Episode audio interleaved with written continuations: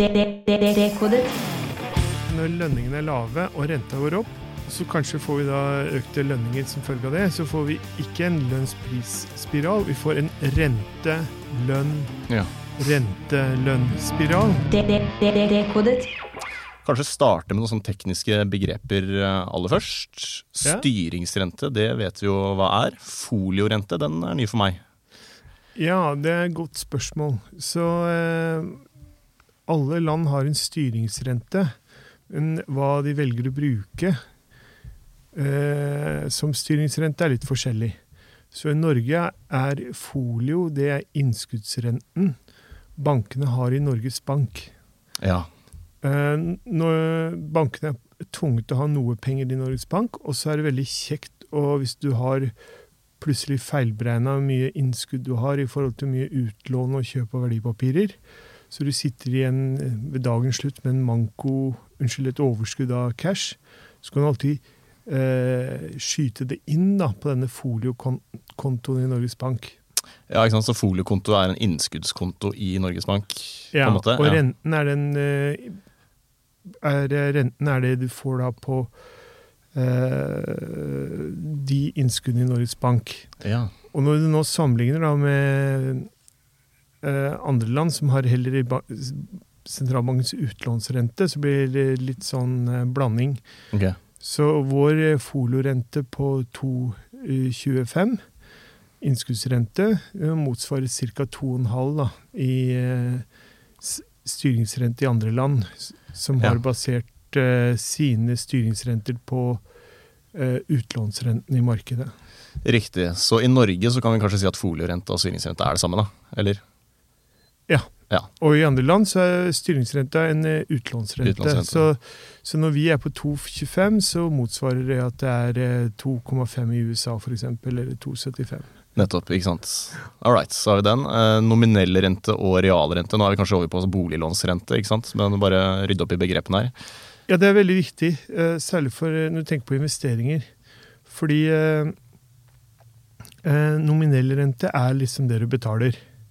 Men eh, f.eks. hvis du har eh, alle lånene dine knyttet opp mot boligen, og la oss si du har 100% boliglånsfinansiering for å gjøre eksempelet enkelt, så du har like mye lån som du har boligverdier. Så det kan godt være at du har 5 eh, inflasjon og 5% rente, og det høres veldig høyt ut. Men hvis boligen stiger like mye, så er du egentlig hip hipp som happ. Mm. Og faktum med det norske skattesystemet, så er det hvor du får skattefradrag for renteinntektene, men ingen gevinstbeskatning på eh, det du måtte selge, så er det nesten en fordel å ha høy rente, høy inflasjon og høy boligprisvekst Ja. hvis de alle er kongruente. Mm. Um, Men kan du si at, men er realrenta justert for inflasjon? Eller er det når vi snakker om boliglånsrente, da? Ja, så realrente er et sånt teoretisk begrep som vi bruker, som er veldig viktig. For det er liksom den reelle kostnaden Mm. med å ha, ha, ha et lån. Så for eksempel tilbake til den boligen. Da, hvis du har 5% rente og 5% boligprisvekst, så ynder vi å si at du har null i realrente. Ja, ikke sant? Nettopp. Fordi eh, de, ok, din gjeld stiger til 105, Mm.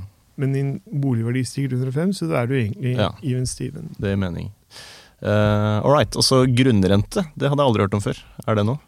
Det er et litt annet begrep og en litt annen setting. Okay, ok. Ja. Det går på at det er noen uh, næringer som har uh, fordel av å ta i bruk statens eiendom, og de bør betale for det hvis bare det at egentlig in, inntektspotensialet ligger i eiendommen, ikke i deres egen innsats. Ja. Så f.eks. i oljefelt har veldig høy grunnrentebeskatning, og mange sier man burde hatt det samme for laksenæringen. Fordi de har fått tilgang til sånne fine områder å bore olje på. Eh, og derfor får en veldig høy lønnsomhet, kunstig høy lønnsomhet. Og lakselordene har fått uh, veldig fine forhold for uh, lakseoppdrett. Mm. Helt gratis av norske stat, eller for, med, for små penger, da. Mm. Uh, og da kommer den grunnrentebeskatningen inn. Da, hvor mye skal man da belaste oljeselskap og fiskeriene for at de får liksom uh, eh, utnytte fellesskapets eiendommer. Ja, skjønner. Så, men det er et helt annet begrep. Ja, ikke sant? egentlig. Ja, litt utenfor dette, men uh, da har vi den også. Nei, men digg, Da har vi det tekniske litt på plass. Uh, da skal vi ut på seilas. Og du har skrevet en bok da, om rentas 700 år lange seilas. Yeah. uh, med stø kurs mot Origo. Yeah. Og da tenker jeg, altså Renta må ha vært jævla høy da, for 700 år siden. Hvis den har gått ned i 700 år. ja, og eh, man skal huske på at dette her var jo ikke sikre penger. Eh, Ja, for nå, Vi er på 1300-tallet. Jeg visste ikke at det fantes penger den gangen. Nå er jo historien min hemsko, da, men allikevel. Nei, eh, så måten jeg kom i gang med dette her, var jo også jeg var på NTNU, da. Og begynte å snakke om eh, tempelriddere og deres pengesystem og sånn. Og stinn brakke av unge folk med dobbelt så IQ som jeg har. eh, og vanligvis så sitter de jo med PC-ene sine og gløtter på damene videre. Eh, men nå var de, de var helt eh, eh, trollbundet av eh, disse historiene. Og da tenkte jeg det var verdt å fortelle om. Fordi man har ikke noe særlig om eh, middelalderens pengesystemer på norske universiteter og høyskoler.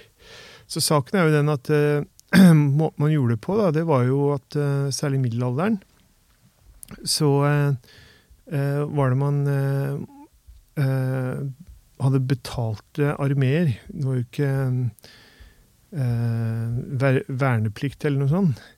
Og, og det å være leiesoldat i middelalderen var egentlig en anstendig yrke. Men de måtte ha lønn. Eh, og det man ofte gjorde, da, hvis det var en konge som var litt pengelens, var jo å låne de pengene.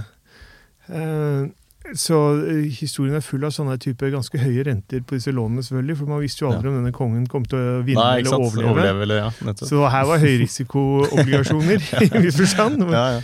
Eh, forløperen til junk bonds i dagens junk bonds. Eh, men det er fascinerende å, å lese om, ikke fordi det har, har så veldig stor relevans for i dag, men det, det er alltid interessant å, å forstå litt hvordan vår høyteknologiske hverdag henger sammen med, med ordentlig gamle tider. ja, ja. Men hvor høy rente snakker vi da? På 1300-tallet og svartedauden herja? Og, Husker, jeg tror det var en kong Sigismund som lånte til 18 rente. Ja. Kanskje han hadde dårlig odds i krigen, så det, Ja, ja. kreditorene tok seg godt betalt. Men det er jo Eh, lavere enn kredittkortet i dag, da. Så, så, så, så poenget er jo at dette her er eh, Jeg skrev egentlig en bok om langsiktige renter, eh, og syntes ikke helt hvor jeg skulle begynne. For vi har jo hatt pengesystemer flere tusen år tilbake. Eh, men omtrent samtidig som jeg eh, ga ut Eller satt og skrev på boka, eller faktisk var i sluttfasen av boka, så kom det et eh, forskningsarbeid i Bank of England som heter 'Åtte århundrer med renter'. Eh, 800 years of uh, eight centuries of interest rates. Den ligger gratis ute på nettet, og også databasen ligger gratis ute på nettet. Der kan dere se og fortape dere i eh, italiensk, og tysk og nederlandsk renter langt tilbake i tid. Det er hentet ut fra kirkebøker, handelsbøker eh, osv. videre etter beste evne. Det er en forsker som heter Schmelzing, en amerikaner, som gjorde dette som forskningsarbeid for Bank of England. Mm. Dypt fascinerende. Ja, ikke sant. Eh, men de store linjene her er vel, og argumentet i boka di er vel at, eh, at disse rentene har jo altså det har jo beveget seg opp og ned gjennom alle tider, men man kan på en måte ta fram linjalen og trekke en slags strek fra 1300-tallet og ned til, eh, ned til i dag. ikke sant? Så sånn totalt sett så har det Ja, det er en veldig fantastisk figur i mange farver og sånn som illustrerer det i boka. Og det er da hentet fra det forskningsarbeidet. Eh, så jeg klippa det inn i boka, men måtte selvfølgelig ha tillatelse. Mm. Og begynte å bli nervøs da trykkedatoen nærmet seg uten at jeg hadde fått det. Ja. Men så, eh, jeg tror det var samme uka som det skulle gå i trykken, så fikk jeg tillatelse mot at Bank of England fikk ett eksemplar av boka. Og det fikk ja, de. og det fikk de, da var det greit. Så det er veldig, veldig fascinerende, syns jeg, da. eh, Fordi jeg har lest mye om disse lange rentene som faller, og så er det vanskelig å finne noen god forklaring på det.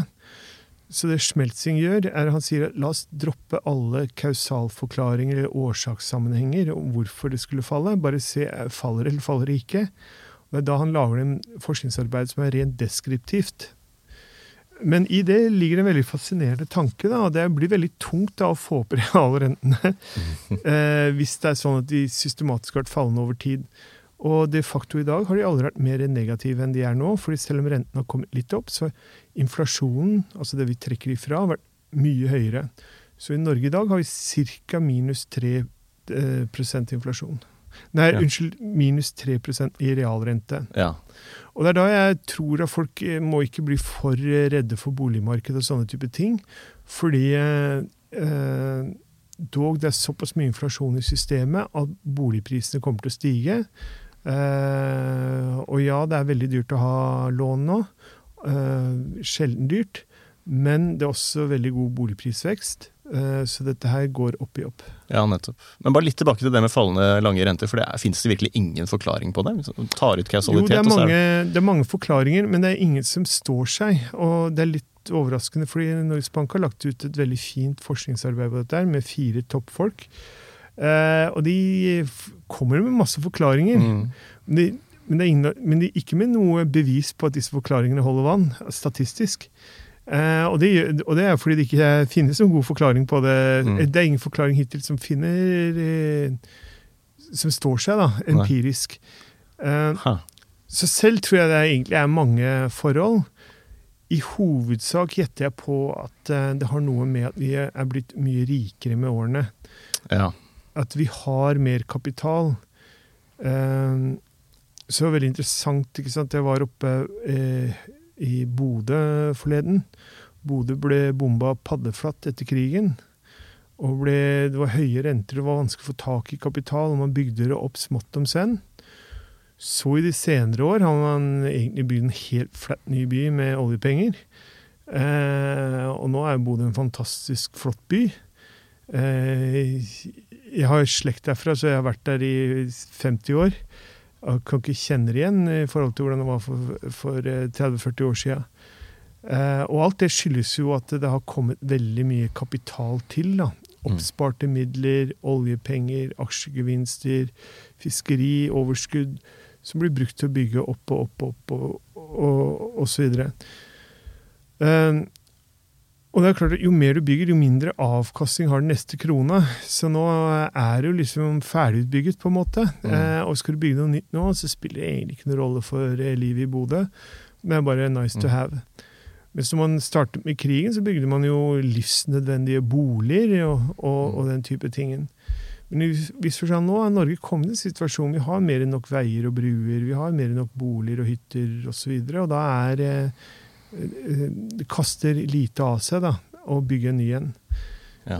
Um, så, og det er jo uh, Bare ta veiprosjekter. ikke sant? Når jeg vokste opp, så var det veldig dårlig veisystem. Vi hadde ikke noen ringvei, f.eks. Det var lyskryss rundt hele Oslo. Det er klart det var utrolig høy lønnsomhet i å bygge ut det. Uh, og så hadde vi jo på Røa, uh, også i Oslo, da, så kjørte man jo gjennom sånn villaområde med tungtrafikk for å komme frem, snirkle seg frem. Eh, da man fikk bygd Røa-tunnelen, så tror jeg den hadde en eh, rentabilitet på 20% ja. Men, fordi det var så lønnsomt å bare putte alt i tunnel og bare sluse igjennom. Sparte masse tid, masse forurensning osv. Eh, men nå i de nye planene våre, Norsk transportplan, alle disse Ringeriksbanen, Fornebubanen og sånn, det har ingen lønnsomhet. Mm. For det er egentlig mer enn nok veier, men vi liker å ha litt flere som ikke har, som mm. ikke har noe særlig lønnsomhet. Så, så det, det, blir sånn kapitalrikelighetsfenomen da, at, okay. eh, som gjør at du kan sløse litt med kapital og, uten at det forenter seg så mye. Ja, fordi pengene blir mer verdt? Er, er, tenker jeg litt feil nå, eller kan man si at det har vært en sånn form for deflasjon gjennom de siste 700 årene.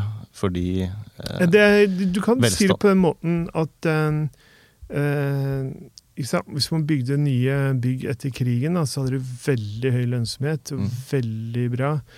Ta kjøpesenteret som erstattet eh, småbutikkene. Eh, veldig høy lønnsomhet, men nå har vi mer enn nok kjøpesentre her i landet. Så hvis mm. du bygger et nytt et, så har det ingen verdi i det hele tatt. Mm. Og det er jo et sånt tegn da på at kapitalen slutter å kaste av seg. Og, og, det er en av grunnene jeg tror at rentene er, høye rentene er forbigående. Folk sparer som nøkken. Det er vanskelig å finne noe lønnsomt å putte pengene i. Eh, det hoper seg opp, og da vil over tid så vil markedskreftene rå, og da vil rentene komme ned igjen.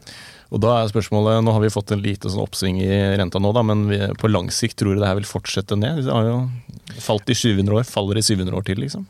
Ja, Det var veldig interessant, fordi nå er vi havna på null. da. Mm. Og så selvfølgelig har vi ordentlig gått i grøfta i år takket være krig og covid og matmangel osv. Energikrise. Så nå er vi minus tre. Eh, men er det noe med null? Er det noe med at den aldri kan ligge stabilt under null? Det tror jeg er den store debatten som kommer om noen år etter krigen. At eh, vi, vil vi kunne leve stabilt med null og negative realrenter?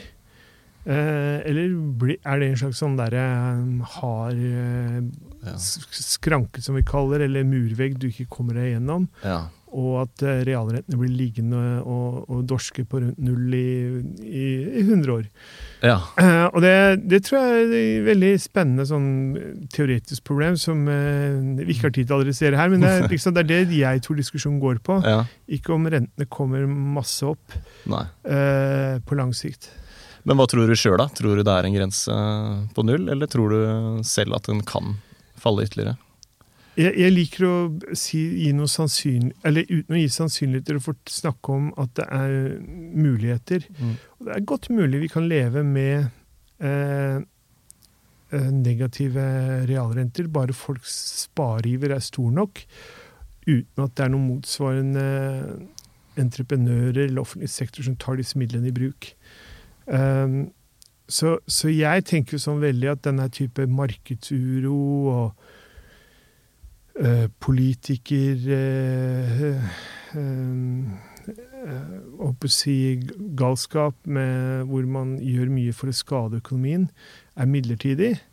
Eh, men folk vil jo frykte det verste, og kanskje spare selv om de taper penger på det. For hva er egentlig negative realrenter? Det er at du taper penger på taper kjøpekraft da, for Mm. pengene dine over tid. Jeg, jeg hadde jo Jeg, jeg synes Et godt eksempel er eh, min gamle onkel Christian. Han opplevde bankkrisen og 30-årene. og Stolte aldri på noen. Så eh, Vi visste han hadde gjemt noe penger, da. i En skoeske. Men vi brødde oss ikke noe mer om det. Men så går jo han bort og dør. Mm. Sånn, uten å ha fortalt hvor de penga er. Og så eh, er det noen arvinger som overtar, da, eh, og vil bygge om og sånn. Og, og heldigvis får de en he ærlig snekker som driver da og river noen vegger, og kommer da over en sånn skoeske som var gjemt inn i veggen. Eh, og der er det altså pengesedler fra 50-tallet Ja. som onkel Christian hadde spart opp. Og du kan tenke deg, dette må ha vært formuer ja, på 50-tallet. Da lønningene var liksom 10 000 i året for en normal årslønn. Han satsa på deflasjon, Han han, hadde, en, han hadde en, blant annet en 500-lapp fra 50-tallet. Ikke sant? Mye penger, altså. Og, og i dag har det vært nesten ingenting. Mm. Mens hadde han putta det i et aksjefond eller i eiendom, eller så for så vidt på en bankkonto, så har det vært mye mer. Mm. Så man har vært i i alle tider hatt den delen av befolkningen som er så redd for eh, at noen skal ta sedlene deres, Mm. at de putter i madrassen eller i en skoeske i veggen. Ja. Men uh... Og da, får du, da kan du, Hvis det er tilstrekkelig mange av dem, så kan du ha negative realrenter. Ja, ikke sant. Og det, men det har de vel hatt i Japan, har de ikke det? I ganske mange år nå? Uten at Jo. de har gått til helvete? Ja, og Japan er veldig sånn, typisk at de er veldig stoisk folk som har opplevd eh, mye rart og stoler ikke på politikere eller noe som helst. Og de er veldig sånn, typisk og de har store seddelmengder. I madrassen. I, ja, og i banken. Så det, Mm. der har de, eh, fremfor å ha Særlig det var utbredt på begynnelsen av 2000-tallet, da japanske banksystemet var veldig usikkert. Da tok folk ut penger av sine sparekontoer i banken og plasserte i bankens kjeller i Mm. en bankboks. Mm. Og det ble så utbredt at eh, japanske banker måtte bygges mye større og flere bankbokser enn de normalt gjorde. Fordi folk vil heller ha cash enn å ha penga på konto, hvor eh, i tilfelle banken gikk over ende. Men på et eller annet merkelig vis så går det jo ganske bra i Japan, gjør det ikke det? De skaper jo velstand, og samfunnet går rundt og Ja, altså jeg er veldig glad i Japan. Eh, Vi er eh, storforbrukere i japansk kultur og er glad i sushi og har reist dit og, osv. og så videre. Og det er jo et trygt og godt samfunn som har gjort det bra. S- Men så hvorvidt hele verden kan leve på den måten, er jo Mm. vanskeligere å vite, da. Mm. Uh, og de har jo nå valgt en helt annen vei enn de fleste andre. De har sagt at ok, dette er inflasjonsgreiene, det lar vi bare skylle inn over økonomien uten å sette opp renter. Mm. Uh, for dem er liksom eh, inflasjon veldig behagelig, eh, mens vi er helt hysteriske og setter opp renter og ødelegger masse barnefamilier, og masse folk må gå i permitteringer, og byggefirmaer går over ende. Ja, en, Varehandelen til jul kommer til å bli elendig, og det blir masse konkurser. Så, så og alt dette her fordi vi skal presse rentene, inflasjonen ned i 2 og, og, og, og det er ikke skrevet noen fasit om hva som er best, men, men jeg, jeg syns man skal tenke litt på den japanske vei. Litt på den japanske vei, du er fan. Ja, for du, du er jo altså, du er en uttalt motstander av uh, høye renter, i uh, media i hvert fall. At du har sterke aversjoner mot uh, for rask økning av rentene. Uh, og du mener Ja, at Ja, ja altså, så, så det er litt sånn å ha rente som er tilpasset vår tid, da. Så det er ikke sånn at man normalt Altså, man skal ikke ha lave renter åkke som. Man skal ha en rente som er tilpasset økonomien. Og, og her tror jeg nordmenn har vært litt sånn eh, naive. Eh, det er ingen vekst i industriproduksjonen. Eh, industriproduksjonen i dag er ca. samme nivå som i 2008.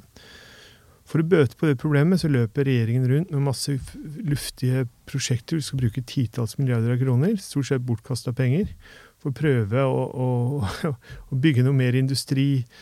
Eh, noe av mer sånn der, eh, sentimentale grunner, antar jeg. Eh, og så vil vi jo bygge eh, til sånne gamle øyer og sånn som er eh, holder på å avfolkes. Vi også bygge, bruker titalls milliarder på å bygge noen tunneler ut dit, fordi bestefar var der, og vi gikk hesj sammen, og jeg satt i fanget hans og spiste jordbær osv. Så, videre. så det er veldig mye sånn sentimentalitet, det er mye sløsing i offentlig sektor av disse pengene. Og da vil jeg heller at man holdt de pengene tilbake og fikk lavere trykk i økonomien. Ja. Da ville husholdningene slippe å lide med rentehevinger. Ja, Sånn at det ikke går utover vanlige folk. På den Nettopp. måten. Mm. Og, og nå dessverre, da eh, Og jeg stemmer jo Arbeiderpartiet, så jeg er ve- veldig skuffa. Så pga. på grunn av Arbeiderpartiets eh, holdninger, at de vil reise masse industri, samtidig som vi stenger arbeidsinnvandrere ute, de som skal bygge dette her, og da blir det veldig sånn kunstig press i økonomien. Mm. Og da legger en ny byrde på Ida Wolden Bakke, som Mm. er sentralbanksjef og veldig flink. Eh, og hun føler hun må sette på renta. Så jeg vil si når du, ser litt, du må se litt større på dette enn bare snakke om renta. At eh, Hvis du tar inn over at vi er moden, aldrende samfunn, 150 kommuner i Norge har befolkningsnedgang Mm. osv., så, videre, så hadde vi kunnet stelt oss sånn da, at vi ikke hadde hatt behov for rentehevinger. Ikke sant? Og så er vel et uh, annet motargument er vel at ikke sant, den inflasjonen vi ser nå, det handler om faktorer som ikke vi rår over, da, som krigen i Ukraina, økte energipriser. Og så skal uh, renta opp, og så skal vi miste kjøpekraft, forbruke mindre. Men hva er det vi egentlig skal kjøpe mindre av? liksom? Vi må jo ha mat. En barnefamilie som har bolig, garasje og to biler, må jo varme opp huset, liksom. Ja, og det er veldig interessant. Så LO har jo sett dette som midlertidig og sagt at vi tar det med ro og vi skal ikke ha noen store lønnstillegg og sånn. Og så slår eh, sentralbanken som å bli helt hysterisk og sier nei, dette er ille og det er fare for fære og osv. Og, og da tror jeg faren er nå at eh, LO sier vet du hva, dette her er lønnsmoderasjon, det gidder vi ikke være med på. fordi vi får jo ikke betalt for det. Eh, vi, uansett hva vi gjør, så klemmer Norges Bank med hysterisk høye renter. Mm. Så det er veldig sånn ødeleggende for det inntektspolitiske samarbeidet, som mange vil si har bidratt til å gjøre norsk økonomi sterk og robust, at eh, Norges Bank nå eh, eh, sliter lenka litt, da, Mm. eh, i forhold til disse gamle reglene og, som vi har hatt før. For hva er det Norges Bank egentlig er så redd for når det kommer til høy inflasjon? Er det den der lønns- og prisvekstspiralen, at det skal komme ut av kontroll? Ja. Er det det de kontrollerer? Prøver Ja. å kontrollere? Men ikke sant, så det du har fått nå, da, det er når lønningene er lave og renta går opp, og så kanskje får vi da økte lønninger som følge av det, så får vi ikke en lønns-pris-inflasjonsspiral, vi får en rente-lønn Ja. rente-lønn-spiral. ja.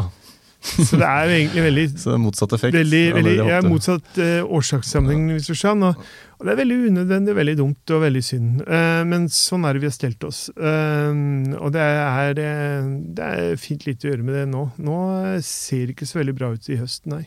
Nei. Det her kommer til å bli en vanskelig høst for mange. Ja, og det kommer vel en ny renteheving, er vel varsla i november også. Nei, det tror jeg ikke. Jeg tror Tror ikke det så, da tror jeg det er såpass ille at selv okay. Norges Bank tar det inn over seg at dette her var ikke akkurat det smarteste vi har gjort. Nei, for det tar litt tid før effekten slår inn, ikke sant? Men har Ja. man begynt å merke det, eller? Allerede? Ja, ja, i anekdotisk og i gatebildet og når du går på kjøpesentre, men ikke i den økonomiske statistikken. Mm. For husk, ikke sant, vi har bare statistikk for juli. Eh, stort sett da for eh, eh, produksjon og varehandel og den type tingen. Eh, og Norges Bank satte jo opp renta i, ved sankthans med seks ukers varslingsfrist for boliglån. Så blir det da folk merker det i begynnelsen av august. Så den første rentehevingen som kom da, store rentehevingen, som kom i, eh, i, i juni, slår først inn i august. Og vi vil ikke se det i tallene før vi får augusttall, da. Mm. De begynner å komme litt neste uke for øvrig. Så er det den neste rentehevingen som kommer i august. Eh, Den er også seks ukers varslingsfrist, så den slår egentlig først inn i oktober. Ja. Eh, Og de tallene ser vi egentlig en gang i slutten av november. Og den rentehevingen vi fikk i forrige uke, den slår først inn om seks uker, Mm. Altså i november. Ja. Så vi først mer ser i tallene i, ved, jul, ved juletider eller ved årsskiftet. Så vi er egentlig nå Vi sitter og venter på nå å se virkningen av en rentehopp på halvannen prosentpoeng som skal slå inn i norsk økonomi ja. med full tyngde ved juletider. Det blir ikke Crazy Bananas julehandel da? Nei, jeg tror, ikke, jeg tror tvert imot at det blir altfor sva, unødvendig svak julehandel.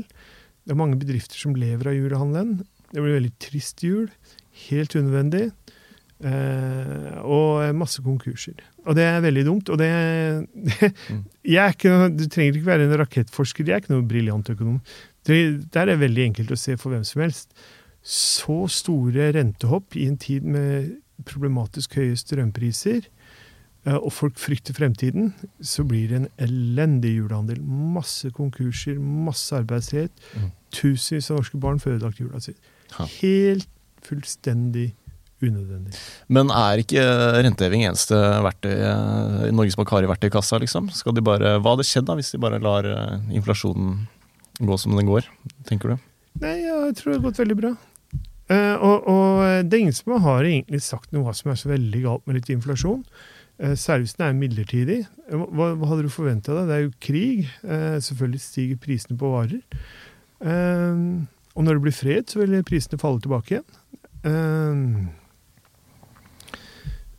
og, uh, og det er egentlig ingen som har egentlig noen Så vi har inflasjonsmål på to.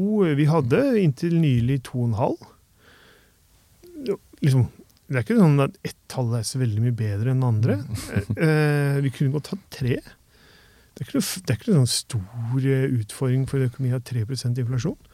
Så, så dette her er veldig sånn derre Det er sånn føre var. eh, Men jeg tenker sånn som vi sa ja, da, hvor er det veldig Det er blitt eh, det er, så, det er så mange som er helt ukritisk eh, bare slår i bordet og sier nei, vi må holde 2 inflasjon. mm. Ja vel, da. I 2014 hadde vi 2,5 inflasjon. Var det, hvorfor var det så hellig den gangen, og dette er så hellig nå? Mm. Det er ingen universalregler rundt i hva som er det nøyaktige inflasjonstallet, og da skal vi ikke korsfeste liksom barnefamiliene på liksom et u, bare et helt abstrakt, mer eller mindre tilfeldig valgt tall. Men det er vel en smertegrense. altså Inflasjon på 10-11% Om man skulle kommet opp dit, da, så måtte vel sentralbanken gjort noe. Ikke sant? For det får vel noen implikasjoner som er Ja, ikke hvis det er, igjen, ikke hvis det er midlertidig og av, av, avløses av når det blir fred. Vi har minus fem, ikke sant? Eh, matvarepriser, energipriser, transportpriser, alt det vil falle kraftig tilbake når, eh, det er, eh, når freden melder seg. Mm. Så eh, Men selvfølgelig, altså, hvis dette blir langvarig prosess på dette her osv., så, videre, så setter de i gang noen andre mekanismer som kanskje er uheldige. folk begynner å tilpasse seg til inflasjon og begynner å, å, å, å spekulere vilt i boligmarkedet og sånn. Mm. Det er jo ikke det vi sliter med nå. Så hyttemarkedet har jo halvert salget det siste året, og boligmarkedet har jo stilnet veldig av nå i september. Mm. Så jeg, jeg, ser liksom ikke hva dette her er godt for, egentlig.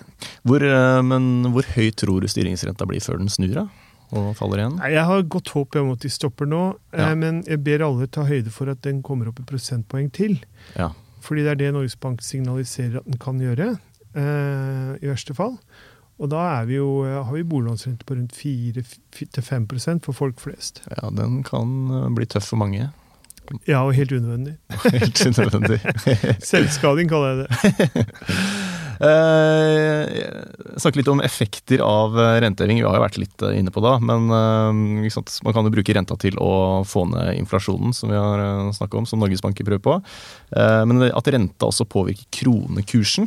gjør den ikke det? ikke sant? At det er en sammenheng der mellom økt rente og kronekurs, eller valutakurs? da? Altså Det er en veldig uklar, stadig mer uklar sammenheng men i teorien så skal jo høyere renteforskjell vi har til utlandet, altså i vår favør, da, vi har høyere rente enn utlandet, så skal liksom krona styrke seg. Eh, men eh, i de senere år har det vist seg at det er mange andre faktorer som også spiller inn. Ja. Og det er vanskelig å lage en sånn summering av eh, hva mm. dette netto betyr. Så jeg har bare bedt alle om å ta høyde for at krona er veldig ustabil. Ja. ikke har valutalån. Eh, ikke liksom basere deg på én kronekurs. Eh, og så får vi bare se litt hvordan det går. Og spesielt i disse tider så er jo krona rammet av at det er en liten likvid valuta. Og da kan den gå veggimellom, både styrke seg prosentpoeng om dagen, og mm. sånn som vi gjør nå, falle et prosent eh, de siste par dagene. Hver dag. Ja, ikke sant. Men teorien er vel da at uh, hvis man øker renta, så er det mer attraktivt å investere i norske eh, kroner. ja, men det må være relativt. Husk, en valutakurs er ikke noe absolutt tall, det er alltid relativt til noe annet. Ja, ikke sant? Så for eksempel når uh, vi satte opp renta nå med 50 punkter, men USA og Europa satte opp med 75, ja, så relativt så land, så tapte vi. Ja ikke, sant? Ja. ja, ikke sant? Så det er ikke automatisk så, så, da, så argumentet må være hele tiden eller Faktoren må være den relative renteforskjellen. Mm. Uh, nå tror jeg ikke det var den uh, Det var så mye drama nå mm. at jeg tror ikke det er den renteforskjellsøkningen da, hvor de satte opp to ganger 75 mens vi satte opp 50, som gjorde at kronekursen svekka seg. Mm. Jeg tror mer det at i tider som blir liksom, Folk har ikke penger i, plasserer ikke norske kroner. Er, de har andre ja. ting å holde på med. Ja, ikke sant. Så den holder seg svak sånn sett. Men er, eh, kan man si noe om svak eller sterk krone er bra for norsk økonomi? Er du tilhenger av å holde krona svak, som er bra for eksport og Nei, altså det, de, Ja, før eh, var jeg litt sånn glad i en svak krone. Men nå har vi mer enn nok valuta, på en måte vi har mer enn nok dollar, vi har mer enn nok eksport. Vi har enorme handelsoverskudd. Så nå kan ikke jeg se at en stadig svakere kronekurs er noe til hjelp for noe som helst. Det, det er litt sånn hipp som happ?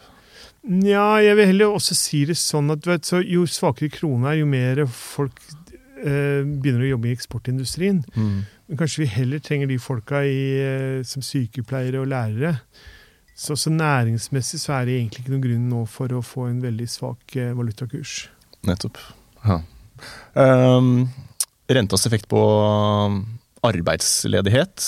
Uh, Bedrifter som låner penger.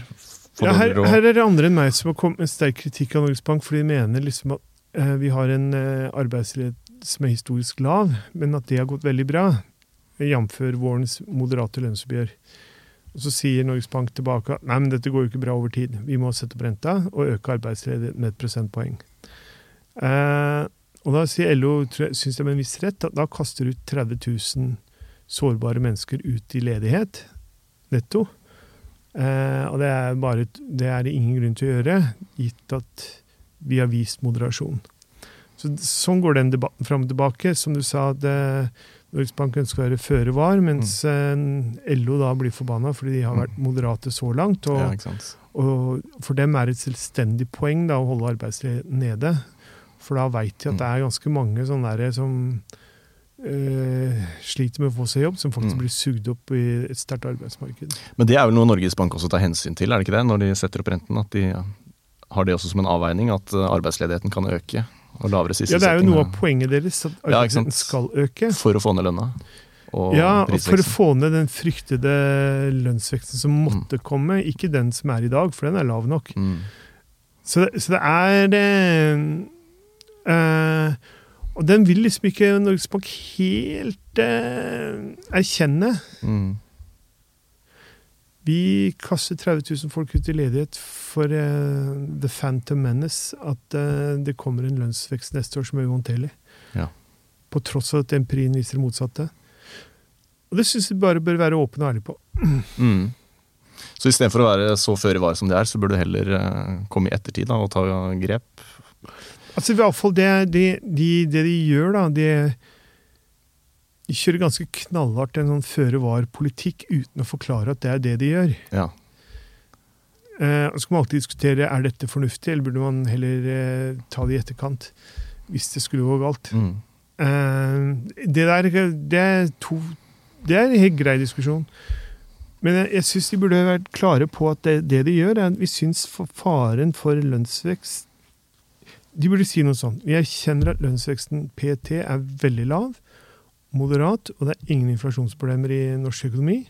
Men faren for en fremtidig inflasjonsbølge i neste år og i 2024 får oss til å kaste 30 000 mennesker ut i ledighet allerede i dag. ja. Liksom At du er ærlig på det, Ja. det syns jeg er ok. Og så handler det vel litt om eh, forventninger òg, ikke sant. Renter og forventninger til hvor renta skal videre. Har jo mye å si for eh, hvor mye folk er villige til å bruke av penger og fremtidsutsikter. da. Ja, så, så når det er sagt, så, så jeg, jeg prøver å roe folk litt ned på det at eh, ikke sant, Det er tre millioner i arbeid i Norge. det er cirka, Og så snakker man om det er 300 000 som får problemer. Ok, 90% går dette bra for. Husk, Hva er det normale boliglånet i Norge? Det er rundt 3 millioner kroner. Hvis renta går opp ett prosentpoeng, eller to, da, så stiger da din månedlige renteutgifter med 60, nei, årlige renteutgifter med 60 000. Med 2 rente opp. Eh, og så får du trukket ifra eh, par og 20% så da, da Si at du har 50 000, da. I, eh, som er drøye 4000 i måneden i ekstra utgifter etter skatt. Mm. Så i forhold til hvor vi var på denne tid i fjor, hvis du har ingen lønnsvekst, så får du da 4000 mindre å rutte med i måneden, da. Mm. 4000-4500. Eh, som følge av denne rentegaleien Eh, eh, i Norges Bank. Og det er mye penger.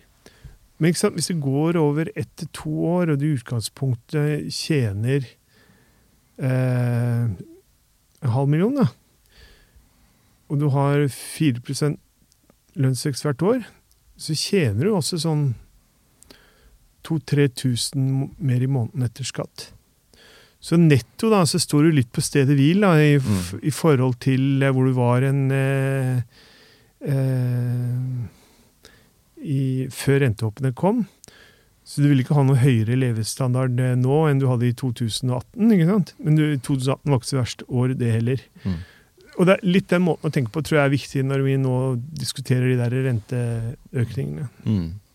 Så vi, vi, husholdningene får seg en knekk, men det, kommer, går, det er liksom sånn derre så, her eh, brettspillene hvor du må gå, gå tilbake til start eller sånn, og gå tilbake til 2018. Ikke sant? Ja. Eh, Det er ikke verre enn det, altså. Nei, nettopp. Uh, ja, ikke sant. Og litt Men det er, det, det, er noen, det er noen som kommer i klemma her, og særlig de som har kanskje litt mye lån, Mm. Og er eh, lav ansiennitet på en eh, arbeidsplass som må innskrenke. Og det er stort sett unge mennesker i, i, med barn osv. Og, så og det er det jeg syns er så unødvendig, og det kommer til å være veldig skadelig. Det går mest utover de sårbare, liksom. Det går mest utover sårbare, og det går mest utover eh, familier i etableringsfasen Mm. med mange barn. De Mm. rammes både av strøm, av dyr Mm.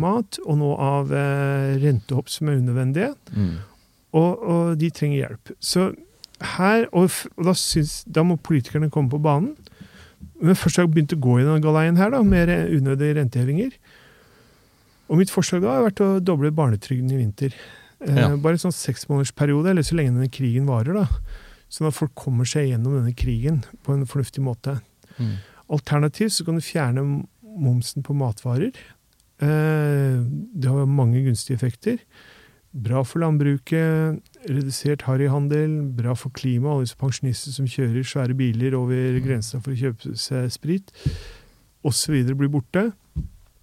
Nei, fjern, eh, og gjerne gjør begge deler. Det tåler norsk økonomi. Høyere barnetrygd og fjerning av moms på matvarer. Kanskje egentlig stemmer SV innerst inne? Nei, jeg, egentlig jeg, jeg er mer sånn Høyre Arbeiderpartiet. Jeg, eh, men jeg bare sier, hvis, hvis du skal ha håp for vanlige folk, da, så har jeg havna på kanskje Arbeiderpartiet ville være det beste. Også der, og Derfor tror jeg det er veldig mange som er skuffa, at de faktisk Mm. får det verre Ja. med sin valgte regjering i eh, posisjon. Ja, det der famøse regnestykket til Trygve Slagsvold Vedum også, det, var jo, det slo litt feil ut. da. Men eh, det kom en krig der som ingen så. Eh, men eh, altså Renter og boligmarkedet, da. Fordi eh, jeg tror jeg leste en artikkel uh, senest i dag faktisk om at boligprisene i Oslo fortsetter å øke. Kan det stemme? Ja, nå har jeg faktisk eh, sett på ferske tall. da. Ja. Dette er mandag 26. september. Eh, og for de to siste ukene så er eh, eh, leilighetsmarkedet bra i det meste av Norge. Eh, mens eh, enebolig og rekkehus er litt svakt i Oslo, men fortsatt sterkt i resten av Norge. Mm. Så kan dele det i to brede kategorier. Eh, og så skal vi huske på at eh, fjerde kvartal er vanligvis en kvartal med fallende boligpriser. Eh, og det kanskje blir enda litt større, større fall denne gangen enn før. I gamle dager vet du, var jeg boligspekulant, eh, og da likte jeg å gå på visning i romjula. For da var jo boligprisen på det laveste. Ja. Eh? Da skulle folk kvitte seg med det de ikke fikk solgt i løpet av året, og hadde lyst til å komme seg videre, enten gjerne før årsskiftet, skrive en kontrakt. Da fikk du gode tilbud. Og, og i år ser det ut som du får ekstremt gode tilbud i årets romjul. Ja. Men i det lange løp, så husk altså hvis det er vi fører en fornuftig økonomisk politikk og ikke kjører arbeidsledigheten altfor høyt opp osv., så, videre, så, så, og det er 3-4% lønnsvekst rundt omkring, så vil boligmarkedet komme til hektene igjen. Mm. Det her blir en midlertidig dipp. Midlertidig dipp. Men Oslo er vel i en særstilling eh, med tanke på at eh, etterspørselen er så mye større enn tilbudet. da. Det bygges så lite at eh, Ja, det, men det er særstilling på så mange forskjellige måter, som kanskje utligner hverandre litt. Så det er stor tilflytting, det er lite bygging, byggeaktivitet og stadig sterkere verneinteresser i Oslo. Det som er galskap i norsk boligpolitikk, er jo at Oslo er bare 500 kvadratkilometer i, i omfang. Eh, Jeg var på Orkdal nå, det er to, 2000 kvadratkilometer Orkdal kommune. Mm. Eller Orkland kommune, som det nå heter. Eh, Men i Oslo, av de 500, er det bare 150 som er bebyggelig.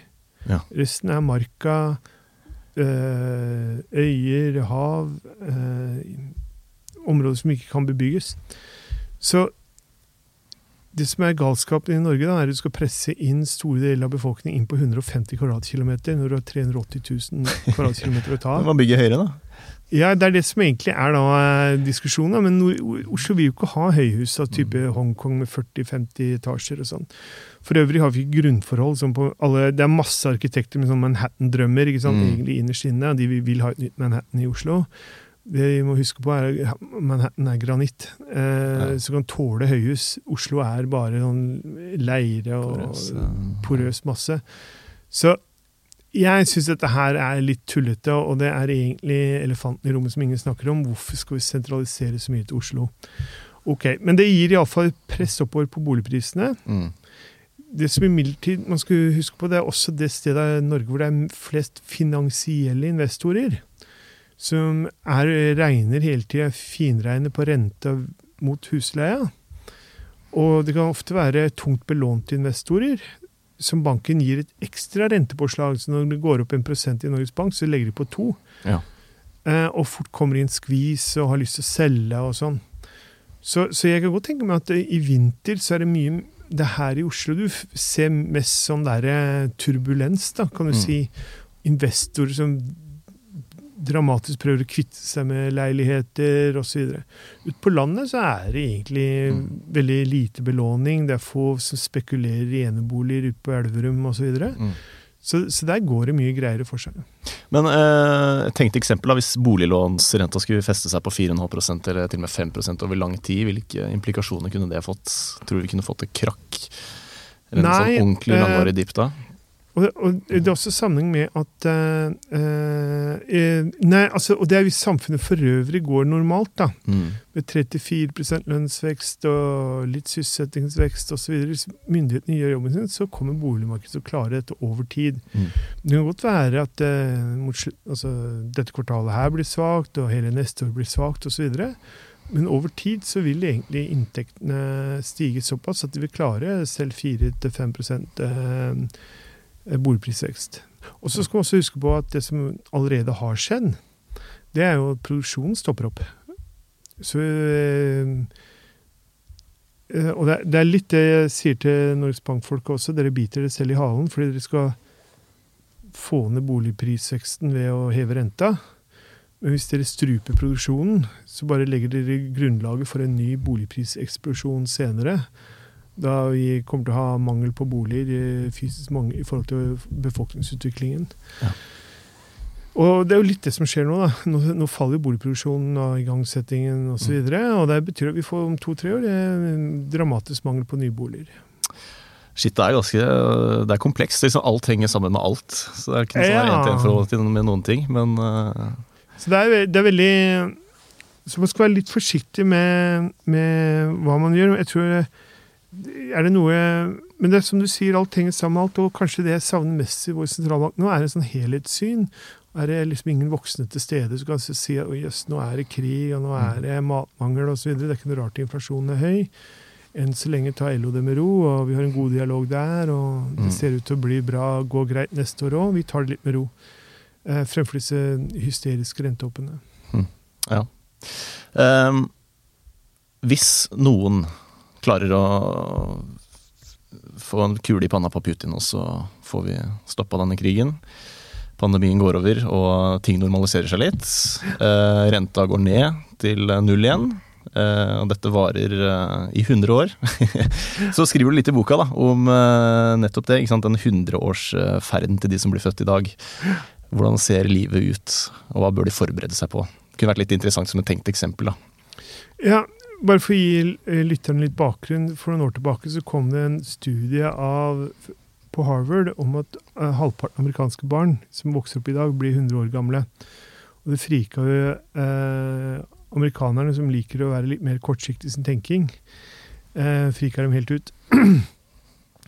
så har jo det arbeidet gjort suksess i mange land, og jeg har prøvd å slå et slag for det i Norge. Fordi hva vil det si at øh, hvis halvparten av våre barn blir 100, det betyr at mange blir 120. Det betyr at mange av denne gjengen her kommer til å ha halvparten av livet sitt som pensjonister. Uh, og da er det jo veldig mye ting som må slå inn. Uh, for det første er det veldig viktig, helt avgjørende, at du har en bra grunnutdanning. Enorm forsømmelse i Norge nå at titusenvis av barn og unge går ut av skolen som funksjonelle analfabeter. Eh, nok en argument for at lærerne nå må få et ordentlig lønnspåslag. Så det her er virkelig steiker nå i Norge nå. I, ungene våre har ikke ordentlig utdanning. Eh, så må de ta vare på helsa si. Og i en viss forstand så tror jeg de skjønner det. Jeg har i hvert fall en, en datter i tenårene, og venninnene og vennene deres er egentlig ganske fornuftige. Og de tenker langt fram og så videre. De lever ikke noe øh, farlig utsøvende liv.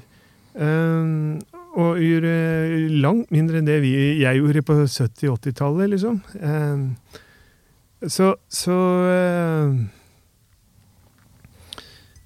um, Og så tenker de på utdanning og, og, pengebruk, og de er forsiktige med penger.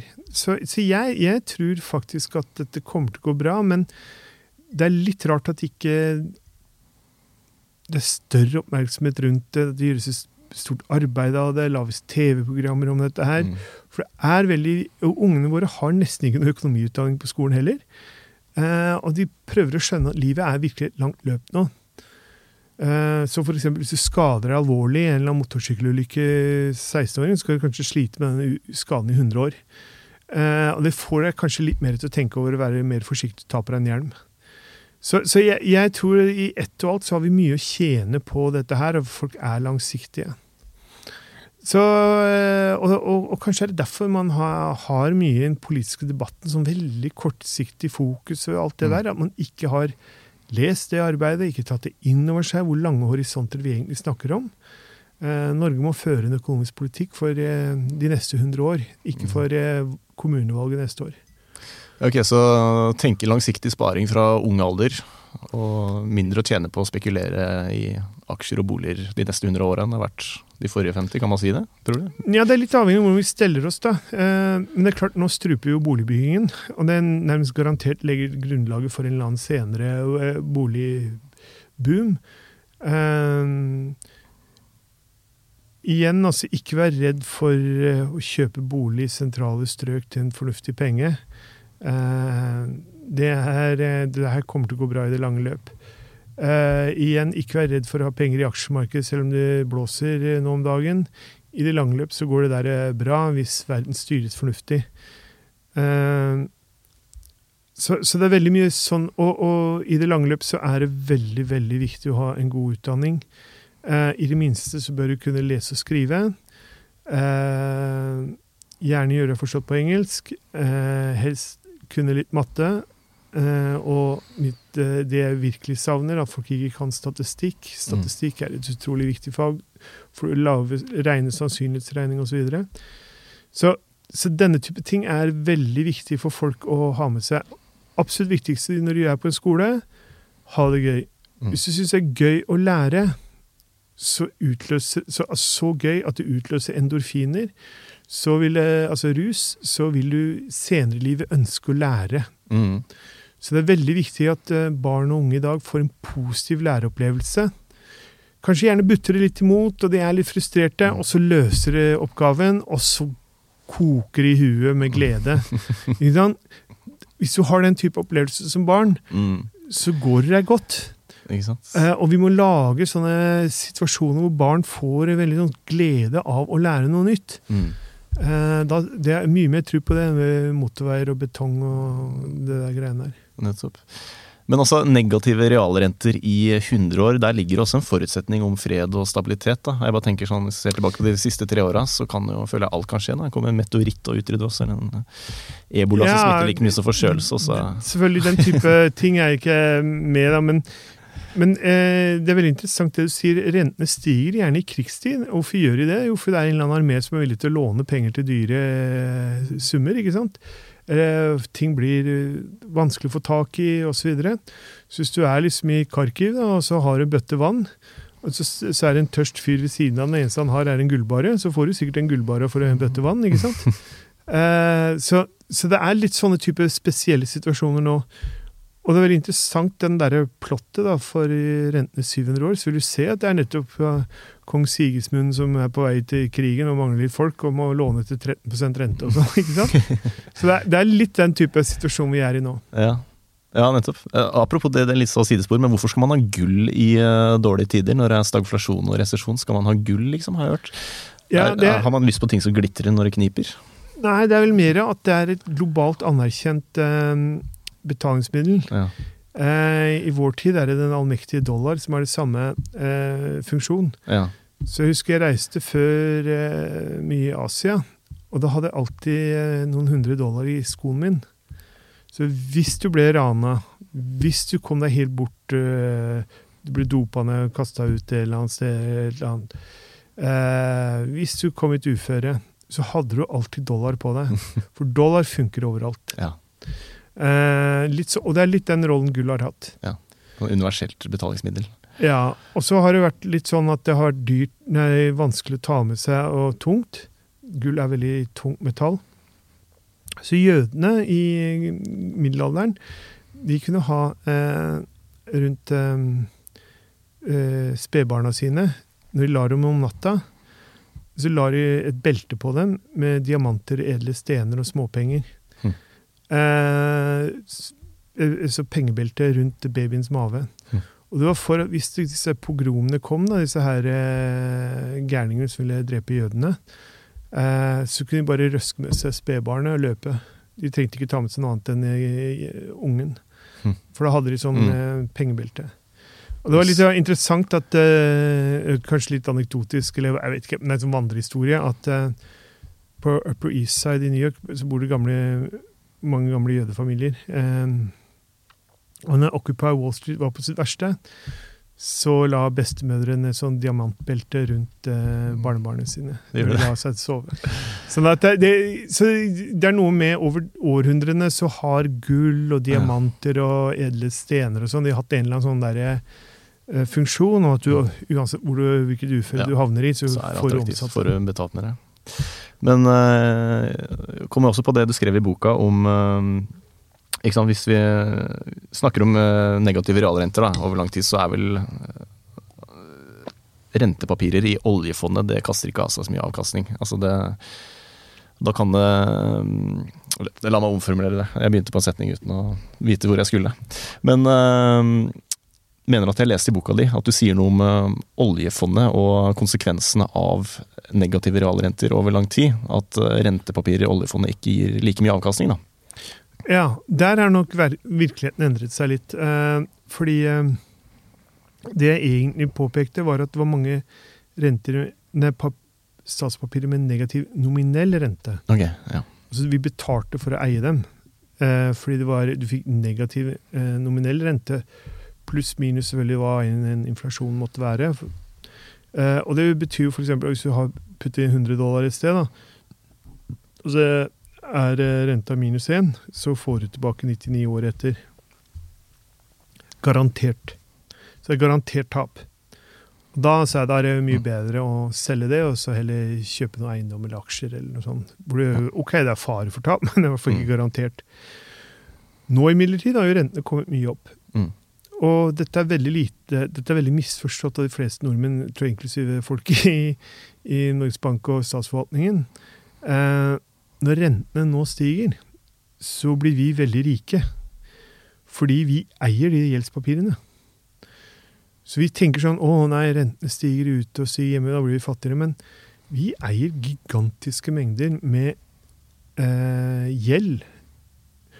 Og de har bestemt seg, disse landene i sin uendelige visdom, å øke betalingene til oss. Øke betalingene på den gjelda. Øke renta på de papirene vi eier. Eh, og det er vanvittige summer. Så eh, vi har ca. i oljefondet 3500 milliarder, altså ca. like mye som BNP. Helt avsindig mye, mer enn noe annet land eh, i forhold til vår økonomi, i utenlandske verdipapir, utenlandske gjeldspapirer. Mm. Så vi, og for hvert, hvert eh, prosent da, som renta stiger, så får vi da en prosent av BNP bare cash i lomma. Ja. Og så har det steget med 2% og kanskje 3% i gjennomsnitt. Så det blir veldig mye penger over tid. Nettopp. Men, hvis Så vi er egentlig blitt sånn rentenister i Ja, okay. Norge. men går renta ned igjen på sikt, så er det vel da mindre attraktivt? Da vi igjen. Da topp igjen. Og da mm, bør vi beholde handlingsregelen som man er da, eller bør man tenke nytt rundt den også? Ja, dette er høstens store tema, fordi vi klarer ikke å holde Vi har for mye penger. Eh, hva er handlingsregelen? Handlingsregelen er at eh, eh, dette oljefondet, som alle kan se størrelsen på, eh, det oppdateres kontinuerlig hvert sekund. Eh, nbim.no for eh, Norges Bank Investment Management. nbim.no. Der ser du saldoen. Mm. Og hvis du deler på 5,5 millioner, så får du din andel av det. Eh, så det er ca. 2,2 millioner kroner som du har i det fondet. Eh, så så er handlingsregelen da at vi skal kunne bruke av det eh, 3 eh, Eller da hvis du har 2,2 millioner, 66 000 kroner per innbygger eh, på eh, i, i løpet av året. Stiger det, kan vi bruke mer. Faller det, kan vi bruke mindre. Og så er min og så sier regjeringa at nå skal vi ikke bruke Kristian, vi skal ikke bruke liksom eh, 66 000 kroner. Vi skal bruke 60, kanskje. Eh, men hvis oljefondet da øker neste år, slik at handlingsregelen tilsier skal bruke 70 000, så er vi veldig langt opp, da. Mm. Vi kommer aldri tilbake igjen. Så jeg har sagt det sånn at hvis du ikke klarer å holde deg på handlingsregelen i år, så Mm. kommer du aldri til å klare det. Nei. For det later til at oljefondet kommer til å øke mye neste år pga. høye energipriser Ja. og høye renter. Så, så jeg tenker jo sånn at uh, nå står litt slaget om denne handlingsregelens fremtid. da. Uh, og det blir veldig spennende å følge med politisk ordskifte utover høsten. Forlater vi nå handlingsregelen for godt, eller bruker vi nå masse penger? Og da er mitt forslag, da, bruk gjerne masse penger, men bruk det fornuftig. Gi det i form av eh, økt barnetrygd, eh, fjerning av matmoms og kanskje litt til minstepensjonistene. ja. Og, da, og dette blir ikke noe særlig inflasjon av. Det blir ikke noe særlig mangel på Pampers i verden. Det blir ikke noe særlig eh, prisgalopp på melk, dopapir, eh, eh, grøtblandinger og, og, og, og tacofredag-greiene. Mm. Det der, der greiene, det her kommer til å gå seg godt til. Men spare til fremtidige generasjoner, er ikke det et prinsipp som ligger bak her? Jo, men da, det er det vi gjør. Altså, så hvis vi holder oss på å bruke 3% det skal være avkastningen i fondet etter inflasjon. Mm. Så hvis du bruker opp 3% så er- bruker du opp det man tror er eh, avkastningen i fondet. Og da er realverdien, altså fondets saldo, består til evig tid i Ja. reelle termer. Så, da, Mm. så typisk det man tenker seg, er noe sånt som at eh, ja, ja, eh, avkastningen på disse greiene her er rundt 6% i året, men tre av dem går bort fordi det er inflasjon. Eh, så hvis vi ikke bruker noe oljepenger, så øker oljefondet gradvis med 3 Mm. Men herregud, det er jo allerede 12 000 milliarder, og mer har ikke fremtidige generasjoner godt av, så de pengene bruker vi. Ja. Men vi bruker heller ikke mer. Vi tar vare på de der 12 000 milliardene for fremtidige generasjoner Okay, ja. i deres reelle verdi. Nettopp. Ha. Gøy. Ja, dette er interessant. Um, skal prøve å oppsummere her. Det er vel å se til Japan. Negative realrenter uten at inflasjonen løper løps. Det funker overraskende bra. Jeg tror, jeg tror det, virkelig oppsummeringen er at eh, for Norge kommer dette til å gå veldig bra. Ja. Og de feilene en politiker eller sentralbank måtte gjøre, kan korrigeres senere. Ja. Eh, så ikke frik ut nå i høst av fallende kurser og uro i arbeidsmarked og boligmarked. Det går bra med oss på lang sikt. Vi er for rike til at, eh, og for høyt utdanna til at det, det skal gå helt galt. Eh, og så tror jeg det er mer å tenke på at eh, man må passe seg for å, å likevel da, eh, være et sted hvor du ikke mister jobben. Ikke ta så mye lån at du havner i en sånn knipe. Pass på for all del at du ikke har noe særlig forbruksgjeld. Eh, ikke sov dårlig om børsen faller litt. Eh, dette her retter seg opp igjen. Og, og, og, og tenk på boligmarkedet mer at hvor skal jeg være enn i livet mitt, mer enn som en finansiell investering. Så, så hvis du er glad i noen, eller eh, har en familie og sånn, og du har lyst til å kjøpe en familiebolig Det er ingen hast i høst, fordi prisene vil være stabile til svakt fallende, men det der er, er kanskje et gunstig tidspunkt å gjøre slikt på. Ja. Eh, så prøv å leve mest mulig normalt i disse tider, hvor vi makroøkonomer krangler så busta fyker. For før eller siden så kommer vi på en rett eh, sti. ja. Og er du 18 år, så tar jeg utdanning og start sparing tidlig. Ja, og så tenker jeg veldig på de unge nå at eh, eh, Prøv å bare leve fornuftig. Hold for all del unna krypto. Det er scam, det burde vært ulovlig. Eh, spar i tradisjonelle former. Eh, men absolutt det viktigste du gjør, tror jeg, det er at du driver med ting du syns er gøy å drive på med. Sånn at eh, eh, du lærer ting, du er, holder på med yrkesfaglige ting kanskje som du syns er ok å gå på. Så, så går du på kontinentet i Østerrike f.eks., så er det å være en kelner det er et eh, etablert yrke. Og jeg synes Det er så deilig når jeg er i Mm. Østerrike. ikke sant? Det kommer en voksen mann, hvor han legger ut bestikk og, og, og glass. og Trekker opp en vinflaske og skjærer opp chateaubrianden. Det er vakkert å se på. Alt dette her yrker og, og, man, Det er ikke sånn at vi alle skal bli liksom rakettforskere. Mm. Vi har behov for uh, vaskehjelper, uh, hjemmepleiere, uh, kelnere. Desperat behov for kelnere faktisk i Norge nå. Ja. Så, så alt dette her gjør litt hva du selv syns er gøy, da. ja. Eh, ikke lar deg liksom fanges opp av noen sånne der store eh, avisoverskifter. Nei, nettopp. Men har du lyst til å bli steinrik, så ikke start podkast, for det er ikke noe penger i. Men det er veldig, veldig gøy. Ja, og du skal se at dette kaster av seg i det lange løp. Det Ja, det gjør det, vet du. Ja. Du, Jan Ludvig Andreassen, du er sjeføkonom i Eika, ikke sant? Ja. Dette syns jeg var en veldig eh, interessant prat. Takk skal du ha. Nære å få lov å komme. Hjertelig takk. Denne podkasten er produsert av Tid og lyst.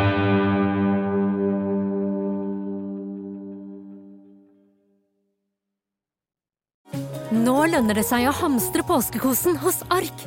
Ark inviterer nemlig til påskefest med skremmende bra nyheter, pocket fra 99 og 40% på alle spill og puslespill. Ark-påske betyr rett og slett mye påske for pengene. Så fyll opp med påskens favoritter i nærmeste Ark-butikk eller på ark.no.